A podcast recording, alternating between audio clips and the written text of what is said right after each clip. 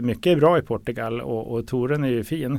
Men det är klart att det finns mer i vinklarna som kanske inte alltid kommer fram när man, mm. om man inte sätter sig in i det. Du lyssnar på Socialtjänstpodden. Idag pratar vi om vad vi kan lära av Portugals narkotikapolitik. Vem är jag till för som socialarbetare? Står jag på den svaga sida? Står jag på maktens sida? Min kompis sa att om man snackar med SOS så tar de barnen. Att spara pengar till statskassan genom att utförsäkra en massa människor. Då biter man sig själv i svansen till slut. Och det är väldigt viktigt för Sverige att socionomer vill arbeta i socialtjänsten. De vill ha en socialtjänst där socialsekreterarna är stolta över sitt jobb. Hej socionom! Du har väl inte missat att du kan bli auktoriserad? Socionomauktorisation inrättades för att stärka det sociala arbetet och ge klienter och arbetsgivare en kvalitetsgaranti. Läs mer och ansök på socionomauktorisation.se. Hej och välkomna till Socialtjänstpodden. Podden för dig som är intresserad av socialt arbete och socialpolitik som görs av Akademikerförbundet SSR. Mitt under denna speciella situation som coronaviruset lett till så står jag här idag med Peter Moilanen fysiskt för att prata om vad Sverige kan lära av Portugal när det gäller beroendevård och narkotikapolitik. Välkommen hit Peter! Tack så mycket! Du är ju chef för Narkotikapolitiskt center och ni har ju nyligen släppt en rapport om avkriminalisering och Portugal. Och rapportförfattaren skulle egentligen också varit här idag, eh, Pierre Andersson, men han avstår från att resa till Stockholm på grund av Folkhälsomyndighetens rekommendationer. Ja, så är det. Han bor utanför Stockholmsområdet. Eh, och vi är noga med att följa dem, så vi drar inte hit folk som inte måste vara här. Kan inte du börja berätta, vad är Narkotikapolitiskt center? Nej, men absolut, tack för att jag fick komma. Jättespännande. Eh, Narkotikapolitiskt center är eh, en nystartad verksamhet, ett år gammal ungefär. Eh, nätverksbaserad, tankesmedjeliknande. Ska jobba, vi ska genom analys, debatt och folkbildning bidra till en human, restriktiv narkotikapolitik. Och grunden är ett antal nykterhetsorganisationer som är knutna till studieförbundet NBV Eh, men vi har även LP-verksamheten, eh, Föräldraföreningen mot narkotika och, och några andra i, i verksamheten eh, kring detta. Så det är liksom kan man säga lite så här, nykterhetsrörelsens ja, center det, det kan man för absolut att säga. driva så. narkotikapolitik. Ja. Eh, och en av era första rapporter är just den här då, om Portugal. Varför har ni valt att skriva om just Portugal? Ja du, eh, man kan väl säga så här. Eh, nu har jag jobbat ett år med den här frågan och jag tror inte det finns, jo det är klart det finns det, men jag kan överdriva så tänker jag att det finns nästan inte en debattartikel eller en debatt där Portugal inte nämns på ett mm. eller annat sätt. Eh, det, det slutar alltid diskussionen i Portugal. Eh, och då finns det lite olika vinklar på det. En del eh, som är för en väldigt restriktiv politik. Så. De hävdar att Portugal är väldigt bra för de har bra med vård och, och, och omsorg. Eh, andra menar någonting annat. Det vanligaste skulle jag säga är någon story om att eh, titta på Portugal. De avkriminaliserade. Dödligheten sjönk eh, skyhögt och nu har de knappt någon dödlighet kvar. Och titta på Sverige som ligger väldigt högt. Eh, alltså borde vi avkriminalisera. Mm. Ungefär där stannar det. Och ju mer vi snurrade in i det här och resonerade med folk och pratade liksom så, så verkar det vara väldigt, eh, ja, i grunden väldigt låg kunskap. Man vet inte så mycket mer än det man har hört, om man får uttrycka så. lägre ja, dödlighet. Ja, lägre dödlighet. Avkriminalisering. Eh, avkriminalisering, vård eh, verkar man satsa på. Och så kan man snurra in i lite olika detaljer hur det egentligen går till. Eh, så. Um, då ville vi veta, tänker vi, vi kan inte prata narkotikapolitik i Sverige utan att diskutera Portugalfrågan och då måste vi ju lära oss mer om mm. Portugal. Så det var en egen inre nyfikenhet egentligen att, att gå på djupet på den. Eh, ja, det är väl anledningen. Så ni skickade dit Pierre då som fick Ja, precis. Pierre Andersson är ju journalist sedan många år. Eh, driven, nyfiken, eh, en grävare av, av stor rang. Så han, han fick åka dit. Eh, och gjorde en del okulärbesök och, och, och, tittade på plats och lyssnade in. Det är ju nästan som en tour mm. om man får använda inom citationstecken eh, i, i, Portugal. De är vana vid att ta emot grupper från hela världen som kommer dit och tittar på detta fantastiska exempel.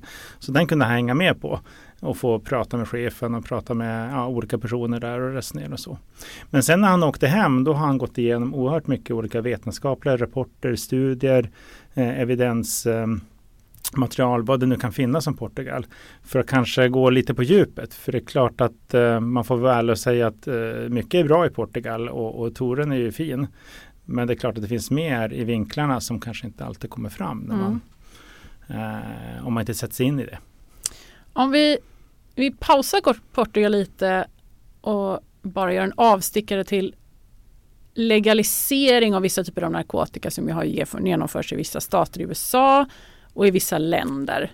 Men där har ju Portugal avkriminaliserat. Vad är skillnaden mellan liksom avkriminalisering och legalisering? Ja, det där är mycket bra fråga ska jag mm. säga i dessa tider. För det, det, allting florerar ju någonstans. Och, och ibland kan... är det lite likhetstecken. Ja, precis.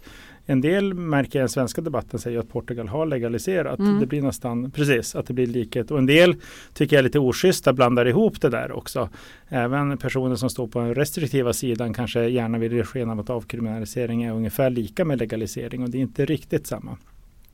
Och det är så skillnad så vi kan konstatera att Portugal till exempel i fjol hade en, en, en omröstning i parlamentet om legalisering mm. där det fanns ett skarpt förslag som ju då föll. Alltså regeringen vill inte driva på det men, men det var andra krafter som ville legalisera. Det vill inte Portugal. De tycker att det är väldigt eh, skönt att ligga i det avkriminaliserade hörnet någonstans. Då.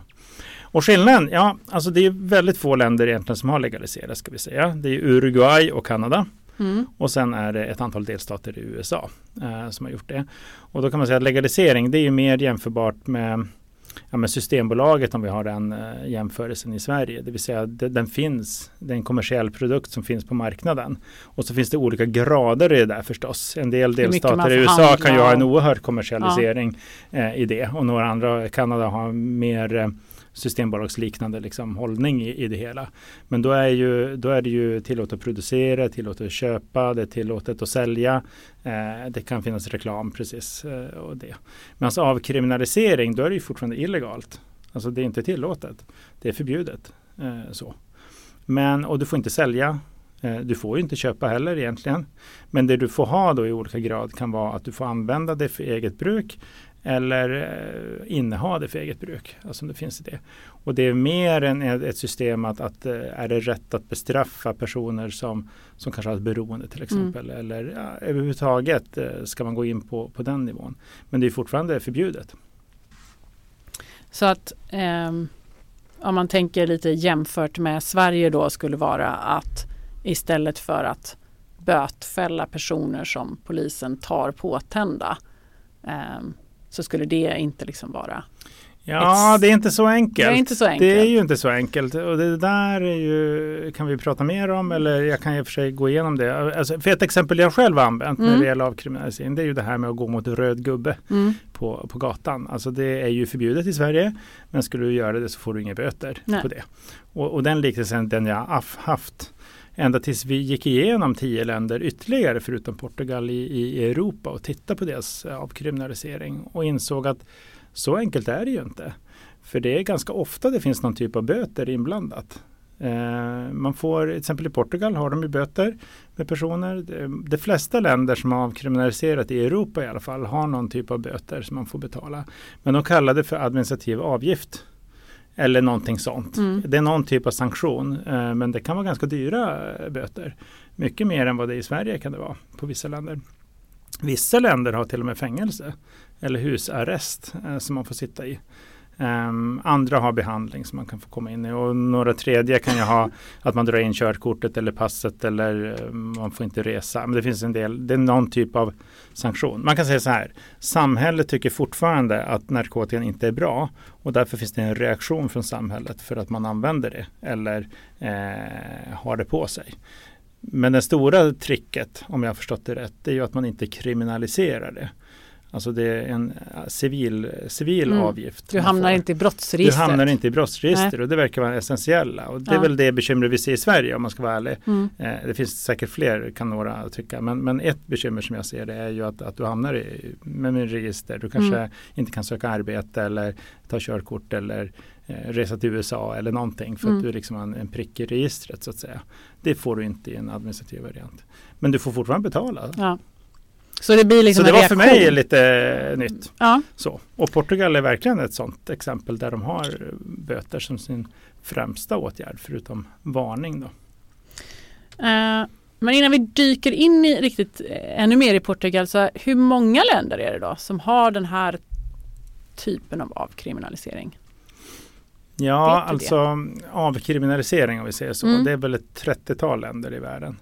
Och då har vi inte räknat stater i USA. Nej, precis. Och där finns det ju ett antal ytterligare Mm. delstater som har det. Så att det vanligaste i, i Alltså, ja, men så här. Jag tycker ibland att det känns som att det är ödesbestämt. Att det finns väldigt många, del, många länder legaliserar och avkriminaliserar, bara rullar på en våg. Det är liksom en bild som förstås det finns intresse av att, att eh, presentera. Mm. Och det är därför jag medvetet säger att det är två länder som har legaliserat. Och det är några delstater. Åtta av tio delstater i USA har inte legaliserat. Mm. Och det där beror ju lite på. Om Bernie Sanders vinner, eh, ja då lär det legaliseras mycket mer. Eh, är det Republikan eller Biden så lär det vara mindre. Men det är klart det kommer att bli fler, men Mm. inte den där lavinartade. Eh, När det gäller avkriminalisering kanske det är ett 30-tal länder då. Så. så att vi har ju fortfarande 200, vad nu kan bli, 260 länder som inte har gjort det. Sen är det inte så enkelt förstås som att eh, du kan ha den formella avkriminaliseringen men frågan är hur man tillämpar lagar Ja. förstås. Det finns väl andra länder som inte gör det. Men vad händer då i Portugal om polisen upptäcker att man är påverkad av narkotika? Vad är liksom samhällets svar då? För då, Mm. som jag förstår på dig, så är det inte så man kan tänka att polisen säger att nej men du är påtänd, det är inget brott, vi låter dig vara.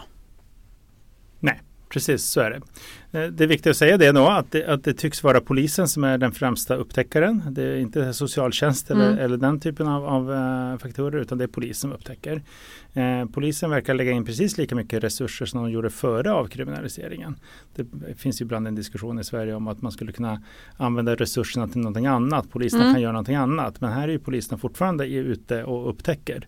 Och den upptäcktsgraden har ökat också. I princip har den fördubblats under 2010-talet.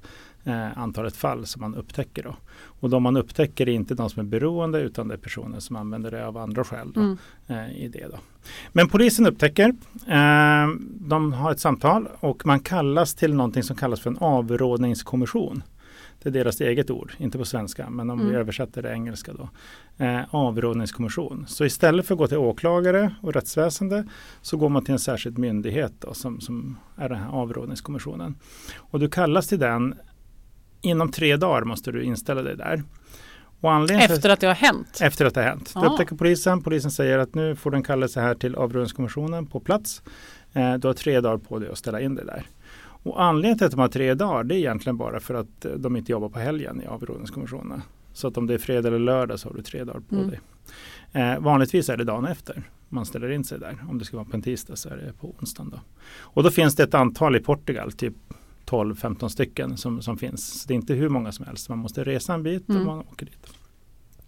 När man är på eh, avrådningskommissionen dagen efter eller inom tre dagar då möter man en person som gör ett ganska enkelt, eller enkelt ska jag inte säga, men, men ett screeningtest. Det tar en halvtimme eller så.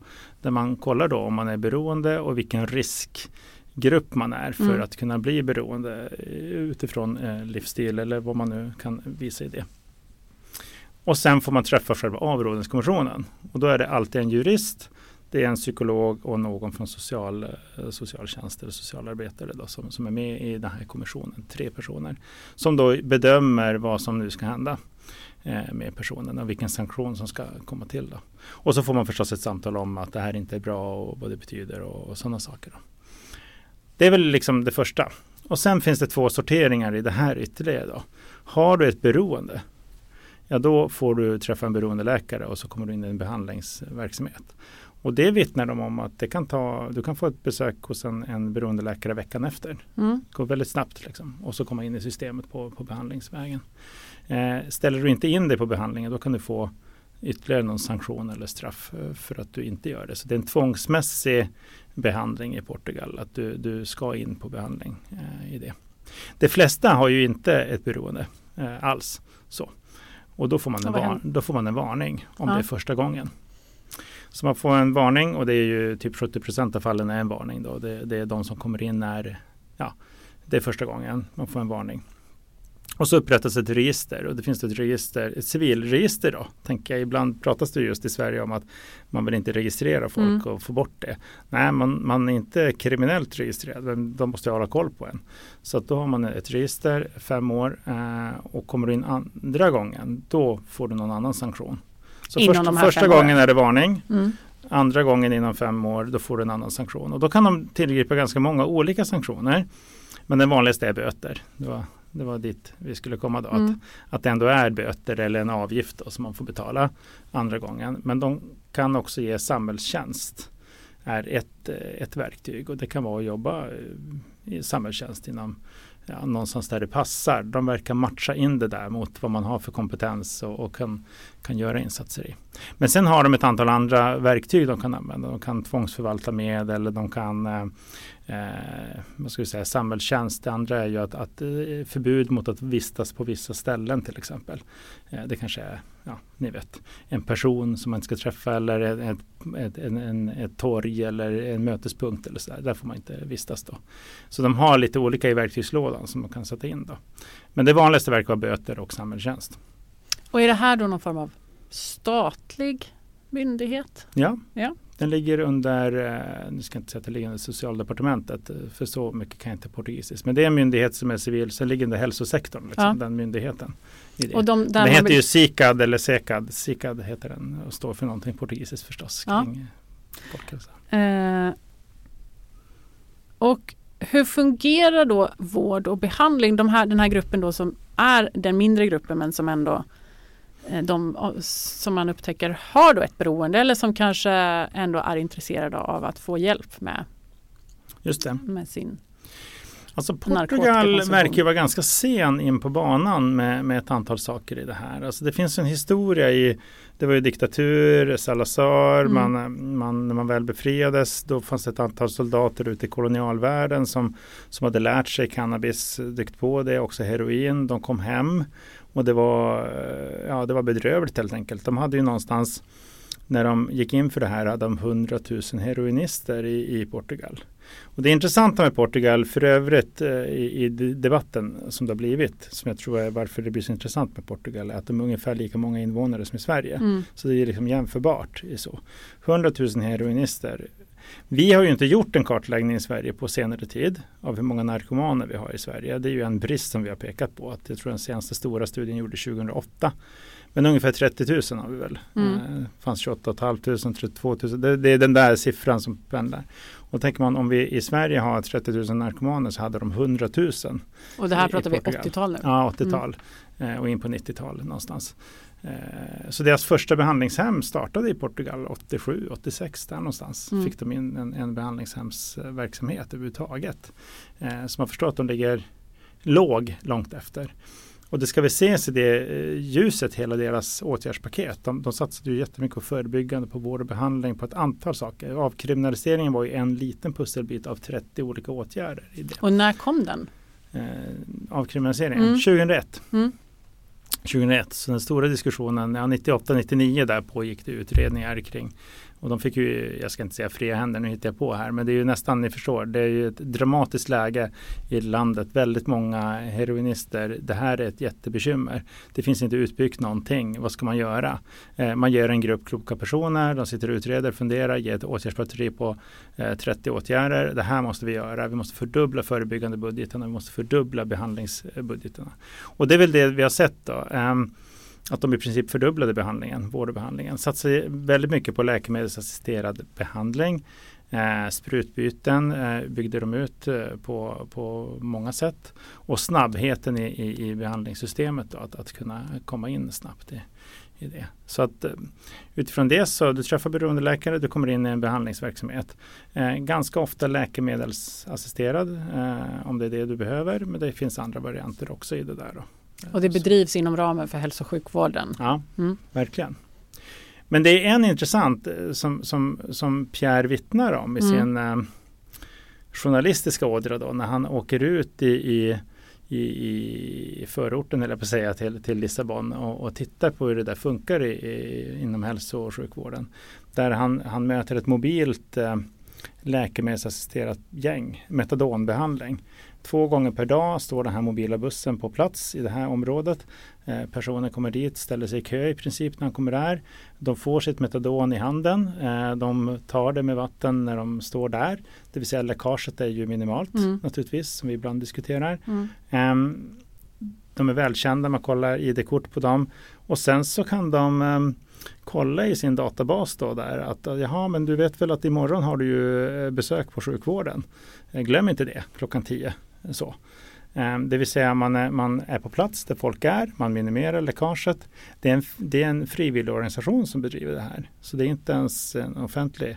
Men de kan gå in i register och se det offentliga. kan man fundera över sekretess och så vidare. Mm. Men det intressanta är att många, många sektorer samverkar. Man har liksom kapat de här organisationshindren som vi ser ibland i Sverige. Man jobbar tillsammans utifrån individen snarare. Eh, och kan snabbt få personer till rätt instans för att eh, ja, möta människan på något sätt. Ja. Så du sa ju när vi började här att, att ofta när man nästan vad man än pratar om som har med narkotika så nämns Portugal. Men vad har då de här, den här förändringen i narkotikapolitiken inneburit för dödlighet, för droganvändning och för människor som söker hjälp för mm. sitt beroende? Den första som det oftast talas om är ju dödligheten. Mm. Uh, om vi tar den då som en, en, exempel. Jag blev rätt provocerad här i, i senhöstas, eller det var väl i november någon gång. Det var en sån här SVT hade Opinion Live, det klassiska programmet. Han var där, Anders Övergård, för han skulle ju ha något mm. uh, program i TV4 och så. Uh, och då sitter det en person i panelen som säger ungefär så här. I Sverige har vi näst högst dödlighet eh, Eh, i Europa. Vi slänger folk i fängelser. Eh, titta på Portugal. De har ju avkriminaliserat. Det borde vi göra på det sättet. Eh, och så tänker man, ja men vänta här, har vi näst högst dödlighet? Vad beror det på? Och det går Pierre igenom ganska mycket i rapporten kring hur man beräknar olika modeller. För det är så när man tittar på den europeiska narkotikabyrån att, att eh, eh Sverige ligger näst högst i, i, dödlighet och Portugal ligger näst lägst. Eh, men sen när man tittar på det där så visar det sig att vi mäter på olika sätt. Eh, i olika, vi är kanske näst bäst på att mäta tänker jag mm. ibland i Sverige. Alltså, vi har ju metodjusterat ett antal omgångar. Vi är ju jättebra på att mäta och ta med alla möjliga fall. Medan i Portugal så verkar de inte mäta riktigt på samma sätt. De gör inte lika många mm, obduceringar, de gör inte lika många rättskemiska analyser. De mäter på lite andra sätt. Det där. Så det där går nog inte att säga att vi skulle eh, ha näst högst och att de skulle ha näst lägst. Det går helt enkelt att jämföra dödligheten med mellan länder för mm. det ser så väldigt olika ut. Och som parentes skickar vi ju inte folk i fängelser i Sverige eh, för att man använt eh, narkotika. Mm. Och då, men tittar man då isolerat på, på länderna så kan man ju ändå se trendkurvan i, i själva landet. Och i Portugal är det mycket riktigt så att det går väldigt mycket neråt i början. Eh, fantastiskt mycket neråt. De är ju nere på typ nio dödsfall något år där i, i mitten av 2000-talet mm. när det började eh, totalt sett. Och det behöver inte stämma den siffran men själva trenden stämmer ju att det, att det går ner. Då. Men sen har det börjat gå uppåt. Någonstans efter 2008-2009 började ja, för jag tänker, de var ganska, man var väldigt drabbade av finanskrisen. Ja, och du sätter ju fingret på det. Det är vår analys när vi läser mm. rapporten, eh, resonerar om den, jag och Pierre Andersson och vårt team eh, kring det där. Att det måste ha att göra med det. Alltså vård, vården och behandlingen stryker på foten ganska mycket. Och det får vi resultat att vi ser det i dödsfallen. Mm. För den kurvan går uppåt. Och de är i princip i kapp nu, det de hade innan avkriminaliseringen. Om man säger 99 års siffror är ungefär de siffror som de har nu 2018. Eh, sen steg det något mer innan de hann få igång det så att säga. Eh, så samma, samma nivå som de hade när de var tvungna att göra ett omtag med 30 skarpa förslag och fördubblingar av budgetar. Där är de nästan idag i, i dödligheten. eh, något under. Då. Så det är dödligheten. Mm. gick bra i början. Det gick säkert jättebra, tänker jag. Men att eh, finanskrisen gör sitt till i det. Då. Konsumtionen är lite, man kan säga så här, när det gäller cannabis så är det helt klart så att ungdomar eh, använder mer cannabis idag än de gjorde då I Portugal. i Portugal. Mm. Och jämför vi med Sverige, som Sverige och Portugal ligger hyfsat lika 99 i mätning, alltså 15-åringar, Mm. årskurs 9. Eh, Sverige fortsätter ligga lika. Vi har ganska stabil ungdomskonsumtion av, av cannabis. Medan Portugal skjuter i höjden. Eller skjuter i höjden men det ökar definitivt. Så de ligger över oss. Då. Samma i vuxenpopulationen ökar cannabis. Däremot tycks heroin till exempel ha gått ner. Så det blir lite olika signaler. Och det beror på vad man vill åt. Då. Det är väl så att de ville åt den här heroinister, dödligheten och så vidare. Och då ser vi också konsekvenser på det, att det går ner. Det är ju bra. Men det är klart att systemet med avkriminalisering, där man får ha en dos för tio dagars användning, är liksom det de har räknat ut på, gör ju att langning eh, finns stora förutsättningar för.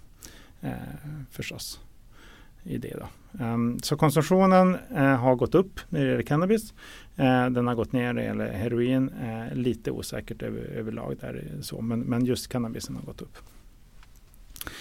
Men den stora vinsten med, med deras, det är väl vård och behandling. Snabbheten, eh, organiseringen kring det här, bemötandet av människor som, som eh, man möter och, och, och tar hand om någonstans i, i systemen. Det verkar ju vara det, tänker jag i alla fall, vi har fantastiskt mycket att lära Mm. av någonstans om vi ska lära oss någonting eh, i det.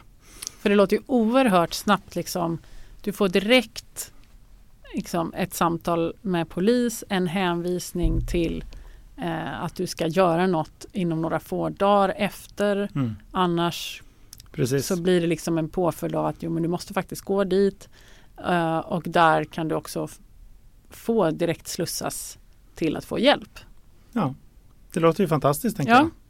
Så det tänker jag är det vi verkligen kan ta med oss. eh, Så. Vi, vi kan inte se, och då ska man säga så här att jag sa ju att vi kollar på tio länder till kring avkriminaliseringen. Och om man tittar på Portugal som har 30 åtgärder och, och Pierres intervjuer med framförallt han som är chef för den här verksamheten som har varit med alla åren. Han säger ju själv ungefär att skulle man bara avkriminalisera det, det kommer inte och det skulle vara för, förödande. Mm. Eh, Det är allt annat runt om som man behöver göra. Och när vi tittar på de andra tio länderna vi har tittat på så finns det liksom inget samband. En del länder de får ner sin dödlighet och en del länder de får upp sin dödlighet efter att de avkriminaliserar. Och de flesta vi har tittat på får ju faktiskt upp den. Men jag skulle inte säga så att, att det ökar dödligheten av att kriminalisera men det verkar inte minska den heller. Alltså det verkar inte vara faktorn. Det är förmodligen vård och behandlingen som är faktorn och den är ju då det som trycker på foten då under finanskrisen.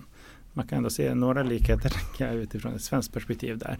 Där vi också ser förstås, men det är ju ändå hotfullt tänker jag i den eh, hur kommuner ska mäkta med att, Mm. att eh, vi skulle behöva rusta upp eh, både förebyggande men, men framförallt vård och behandlingen eh, kring det. Och det är väl svårt att se tecken på det just nu. Eh, Inte så prioriterat vare sig Nej. av kommunernas socialtjänst eller regionernas hälso och sjukvård.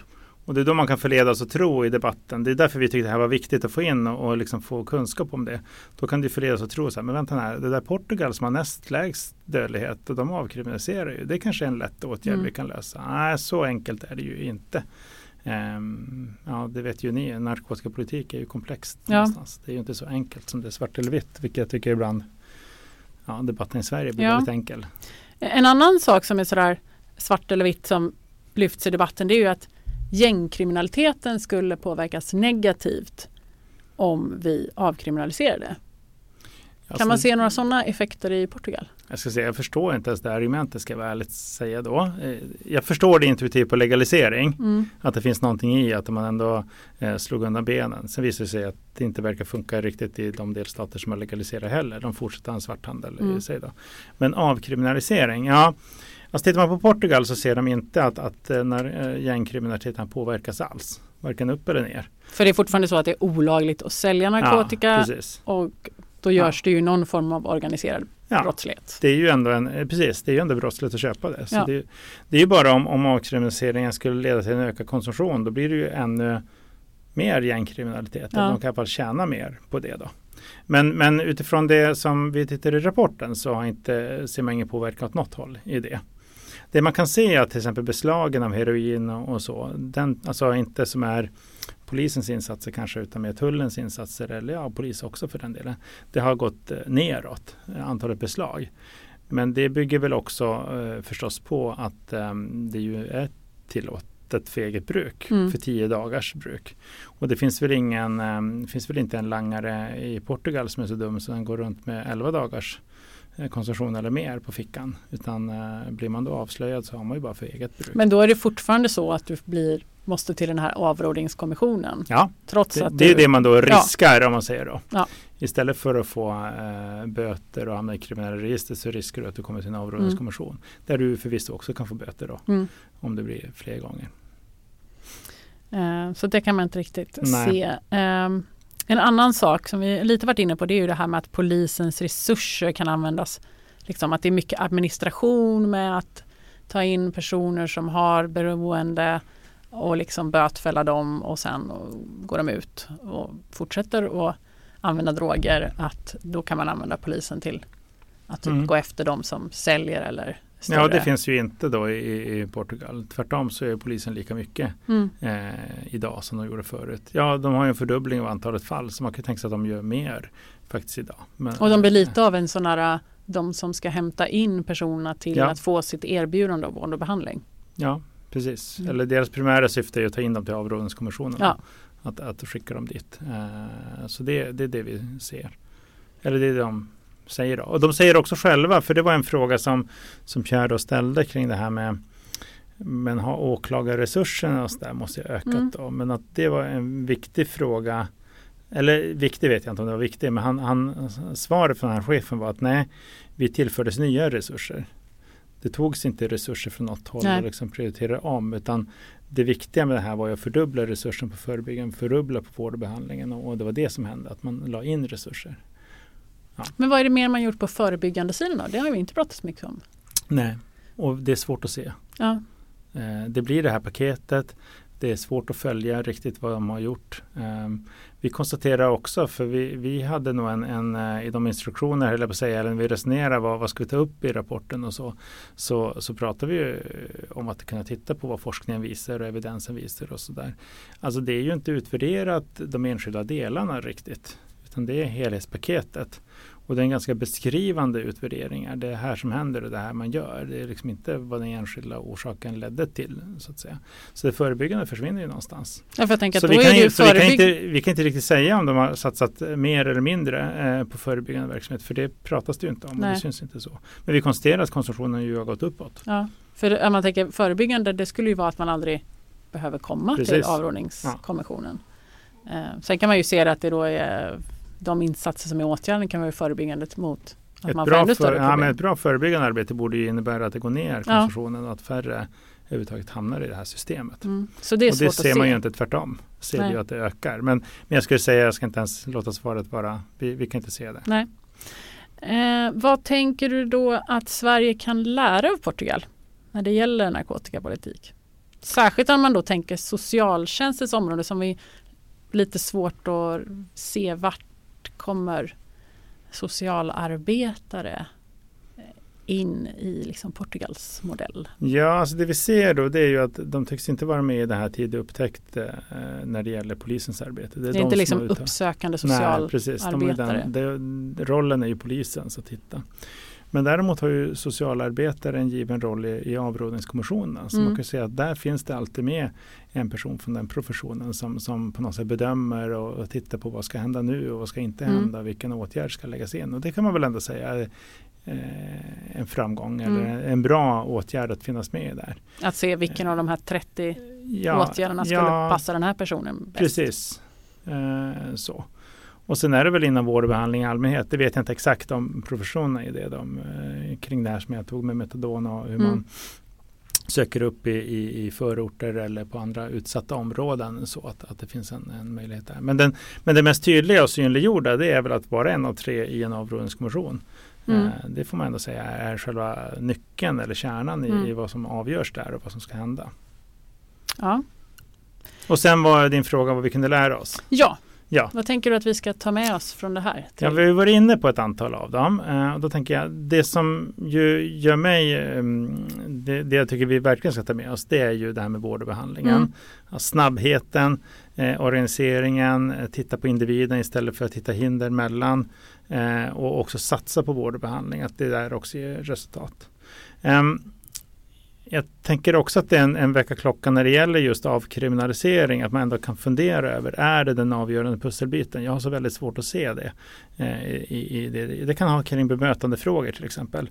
S- Vittnar ju han som är eh, chef där då, att avkriminaliseringen ändå har påverkat hur läkare eller sjukvården ser på personer med, som har narkomani då, eh, i det. Då.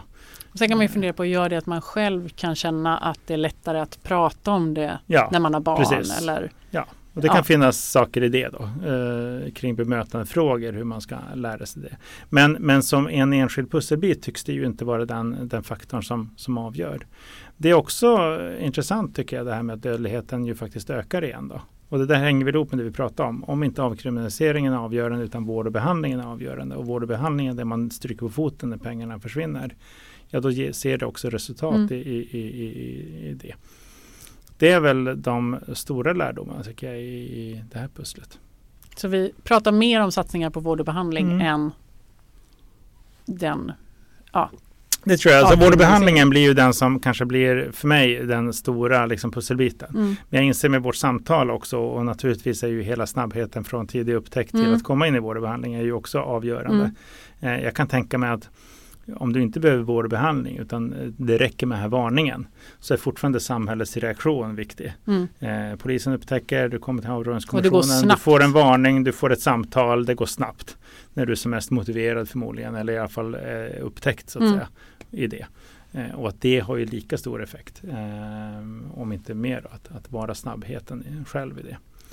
Eh, för man jämför med Sverige då så eh, bara på polisens område kan det ta tre, fyra veckor innan personen ens hamnar hos åklagare Mm. eh, från det man upptäcktes och det ska avgöras. Och, ja, då kanske det mest blir en böteslapp som inte löser så mycket.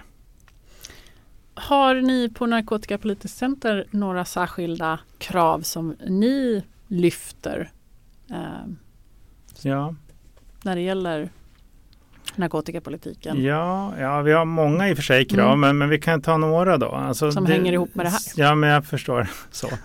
Det ena är ju satsning på ett förebyggande arbete. Det vi var inne på att, att inte ens komma, att vi behöver få ner konsumtionen Mm. och då behöver vi satsa på ett förebyggande arbete. Det andra är ju kring tidig upptäckt. eh, Alltså många, eh, tid, jag kan utveckla de här områdena, men med tidig upptäckt och sen är det kring vård och behandlingen att, att, och hela vårdkedjan egentligen till boende, arbete, fritid. Det. Och där är det en del som säger då, när vi säger det i alla fall, att jaha, det är mer, ni vill alltså ha mer av samma som Mm. inte har funkat de senaste 30 åren. Ja, det kan man väl säga, men ibland måste man kanske ha mer av samma för att det ska få en effekt. Alltså, vi gjorde en studie på förebyggande arbete i, i, i Sverige i början av året.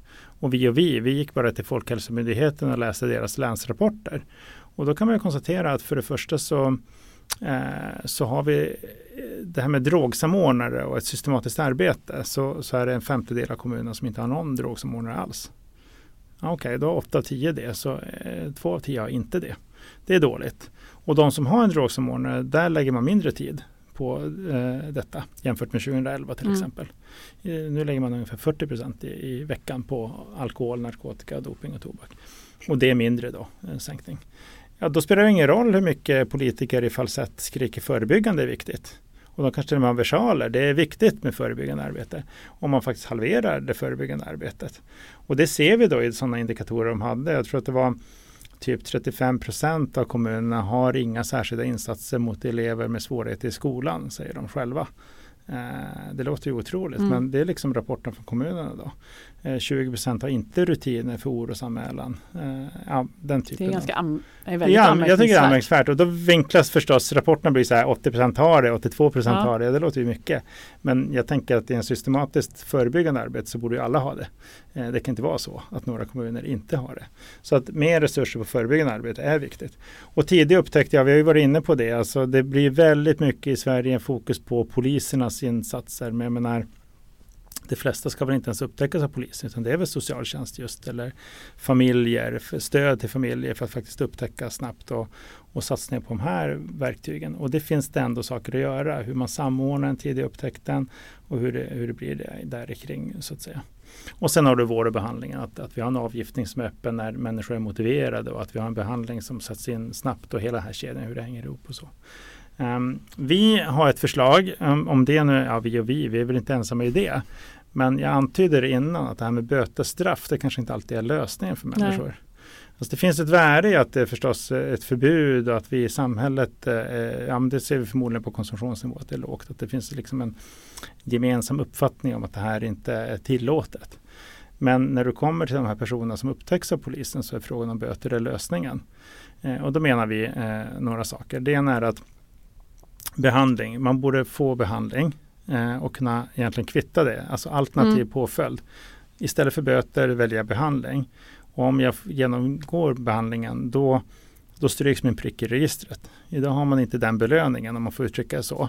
Utan du får ju välja behandling för ditt eget goda syfte om det ens finns det så snabbt. Ja, oftast måste du ju avtjäna ja, någon del av ditt straff. Ja, dessutom det då. Om du har begått mer kriminella handlingar ja. så är det ju mot slutet som du kan. Ja, men sätt in det primärt, att mm. behandlingen är viktig. Vi vill, det är det vi vill med det här. Eh, och då kan du bli av med pricken i registret om du har sonat dina, liksom gått igenom det här behandlingsprogrammet. Och det andra är ju att vi ändå vill ha ner konsumtionen om människor ska, ska sluta med sin narkotika som de har använt. Då. Och då kan man behöva annat stöd för att upphöra med det. Då är det inte behandling. Nej. Och då vet inte jag vad det är. Det skulle ju några kloka personer eh, försöka klura på. Om det är tre samtal med socialtjänst eller om det är eh, arbete hos Unga Kris i, i liksom ungdomsverksamhet. Eh, jag vet inte. Eller att man har någonstans att bo. Ja, så enkelt kan det faktiskt vara. Att det där hänger ihop. Eh, och då om man genomför att man kan välja det istället för bötesstraffet. För det är ändå rätt många tycker jag som vittnar om att det bötesstraffet är, de har ändå inte råd att betala. Nej, det, kanske ett antal. det är ändå bara en, liksom en till sak hos Kronofogden. Ja, och det där behöver vi komma bort från. Mm. Och, men ändå fortfarande ha en reaktion från samhället. Och det är väl det Portugal då visar tänker jag. Att där är det inte fritt. Nej. Hur som helst. De det är ganska snabba puckar till ja, och med. det är snabba puckar och du mm. får sanktioner på det där. Och vi borde ha någon typ av sanktioner. Men gå mot behandling och, och mer stöd. Eh, och sen om du inte väljer det, ja men då får du väl ta böter då. Eh, och det är inte jag så förtjust i böter utan det är mer för att kunna göra de här drogtesterna och kunna göra, liksom, påvisa. Det behövs vissa system det där. Då. Men få en eh, kantring mot mer av behandling och, och stödinsatser. Mm. Tack så jättemycket Peter för att du vågade dig hit idag. Ja, jag kände mig som en uh, katastroffilm. Man springer från bilen och in här. Hoppas att man inte blir drabbad. Nej, Nej. det kändes viktigt att vara här. Eh, faktiskt. Viktigt samtal. Eh, och eh, som ni har märkt så har vi inte pratat om hemmasittare idag utan den podden har vi fått flytta fram. Eh, men vi planerar att kunna släppa en podd per månad fram till sommaren. Men det beror ju som sagt på om gäster kan ta sig hit och vi kan spela in dem. Eh, så det får vi se. Eh, men tack för att du har lyssnat idag.